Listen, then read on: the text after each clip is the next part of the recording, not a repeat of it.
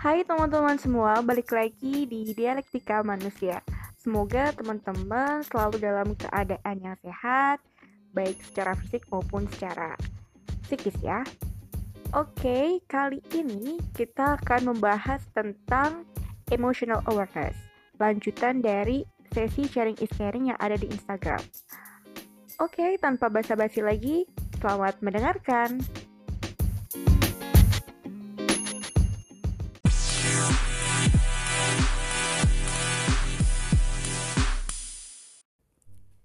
Dari dua pertanyaan sesi sharing is caring kemarin, aku mendapatkan suatu kesimpulan nih teman-teman. Ternyata masih banyak teman-teman yang merasakan sesuatu tetapi belum memahami apa sih perasaan itu gitu dan juga masih banyak teman-teman yang mengenggak papain sesuatu hal yang memang lagi papa gitu. Iya, memang benar sih, semakin dewasa gitu ya, semakin banyak juga gitu hal-hal yang memang perlu buat dienggak papain. Sampai kumpulan nggak apa-apa nggak apa-apa itu tuh akan berakhir kepada sebuah pemahaman bahwa semua akan ya udahlah pada waktunya gitu kan ya. Tapi teman-teman yang perlu digarisbawahi di sini kata ya udah apa-apa itu akan jadi berarti ketika kita mengikutinya dengan suatu insight gitu atau suatu pemaknaan dari peristiwa yang kita alami. Nah, sebaliknya nih, ketika kita langsung bilang, ya udah nggak apa-apa, tanpa mengikutinya dengan insight atau makna, kondisi inilah teman-teman yang perlu kita waspadai. Karena bisa jadi teman-teman kita ini sedang melakukan mekanisme pertahanan ego atau mekanisme pertahanan diri kalau di kondisi ini bisa jadi kita sedang melakukan represi.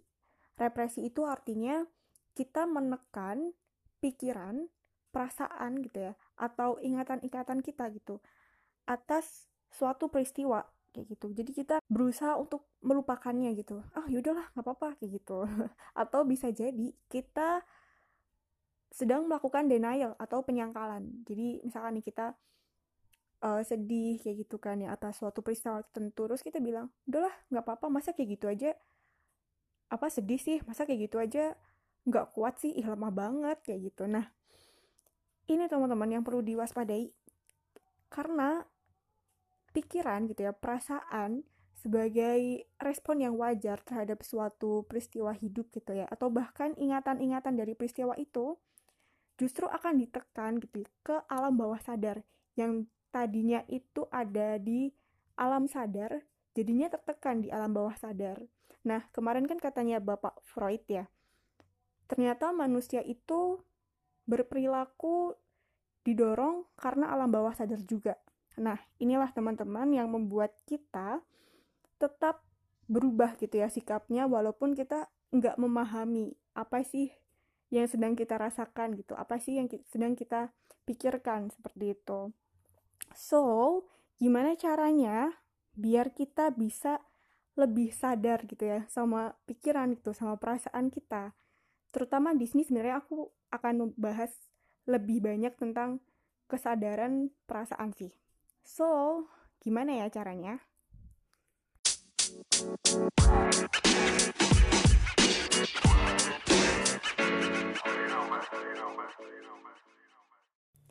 Yang pertama, tentunya kita perlu mengetahui berbagai macam perasaan, sehingga kita bisa menamai perasaan tersebut. Nah, berbicara tentang perasaan, pada umumnya sih kita menganggap bahwa perasaan itu ada yang kesannya negatif maupun ada yang kesannya positif ya. Perasaan negatif itu contohnya kayak sedih, marah, kecewa, dan lain-lain. Kalau perasaan positif ya bahagia, senang, terus apa ya, kagum dan lain-lain seperti itu. Nah, kedua, perasaan tersebut baik negatif ataupun positif merupakan suatu kesatuan, teman-teman.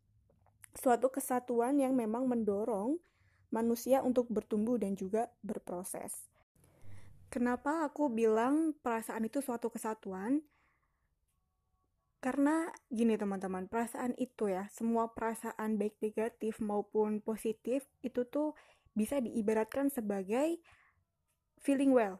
Seperti yang udah dibahas di sesi sharing is caring gitu ya. Itu kan ada lingkaran perasaan, di situ ada enam emosi dasar ya. Nah, ketika kita melakukan represi, penekanan terhadap suatu perasaan atau misalkan penyangkalan terhadap suatu perasaan, misalkan kita lagi sedih gitu, kita bilang ah oh, enggak ah aku nggak sedih gitu. Nah kita sebagai manusia itu lama-lama akan jadi tidak bisa merasakan sedih teman-teman. Ketika kita nggak bisa merasakan sedih di lingkaran perasaan yang kita miliki ini perasaan sedih lama-lama akan hilang teman-teman. Dan hilangnya satu perasaan di lingkaran perasaan akan menyebabkan perasaan-perasaan yang lain itu juga ikut hilang jadi sedihnya itu hilang, terus nanti bahagianya hilang, marahnya hilang, muaknya hilang, semuanya jadi hilang kayak gitu. Sehingga hal ini itu membuat kita tidak mampu merasakan apa pun. Nah, kondisi inilah yang juga mendorong seseorang untuk menyakiti diri sendiri atau yang sering kita kenal dengan istilah self harm. Jadi karena seseorang ini tidak bisa merasakan suatu perasaan, jadi karena ada keinginan untuk merasakan suatu perasaan, jadi larinya ke perasaan sakit. Nah, itu kenapa setelah seseorang melakukan self harm itu biasanya dia merasa lega karena dia sudah mengalami apa ya, suatu perasaan gitu. Nah, yang perlu kita pahami lagi di sini teman-teman semua perasaan baik negatif ataupun positif ini itu memang membantu kita untuk bertumbuh, membantu kita untuk berproses. Karena setiap perasaan itu pasti memiliki fungsinya masing-masing. Misalkan ketika kita merasa takut gitu. Nah, takut ini berfungsi agar kita bisa lebih berhati-hati lagi, agar kita bisa lebih waspada. Misalkan lagi, rasa marah. Rasa marah ini mengindikasikan bahwa ada suatu hal yang enggak pas gitu atau enggak bisa kita terima. Seperti itu. Atau kalau perasaan positif misalkan kayak perasaan bahagia seperti itu ya. Misalkan nih kita seneng bahagia ketika kita sama teman-teman gitu kan. Nah perasaan bahagia ini berfungsi sebagai social connect. Social connect itu menghubungkan kita secara sosial kepada orang lain seperti itu. So dengan apa pun yang sedang kita rasakan justru itulah yang membuat kita menjadi manusia.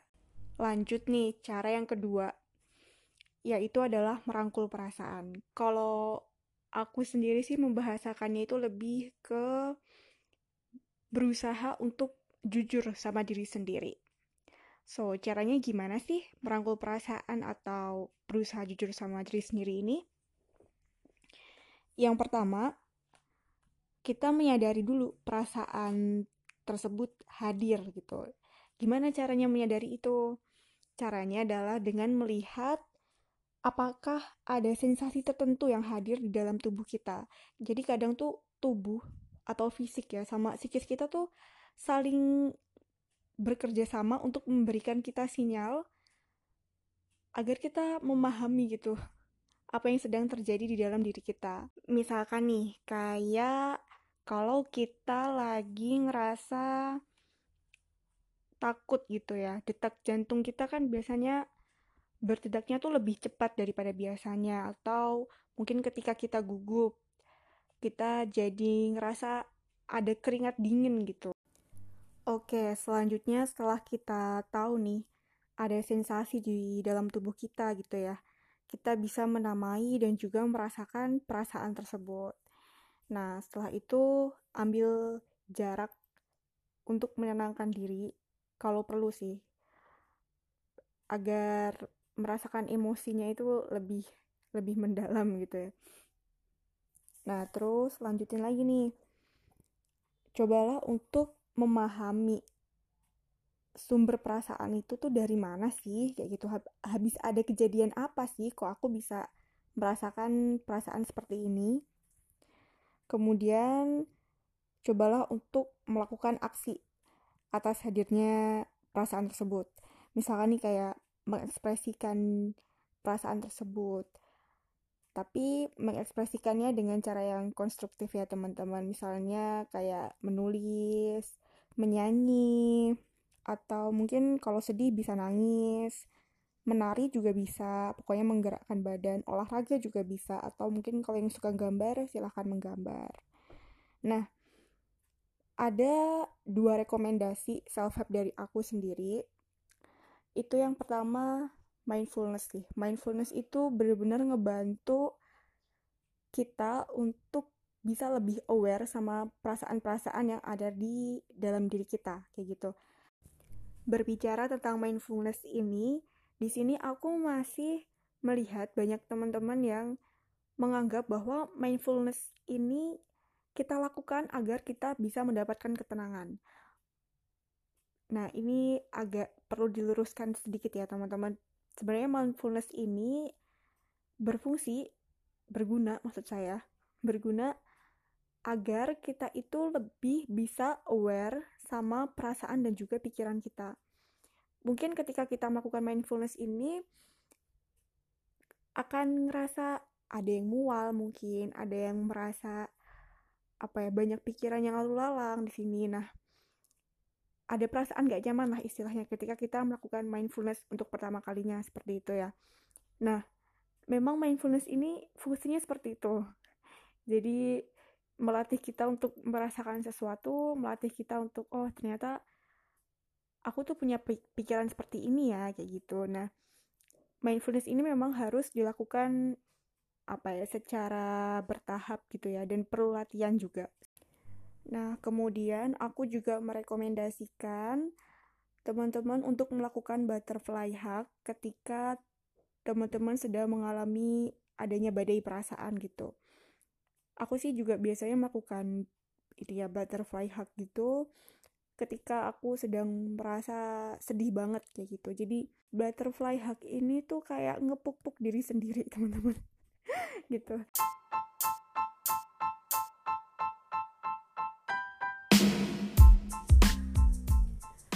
Oke, mungkin sekian itu dulu aja untuk episode kali ini.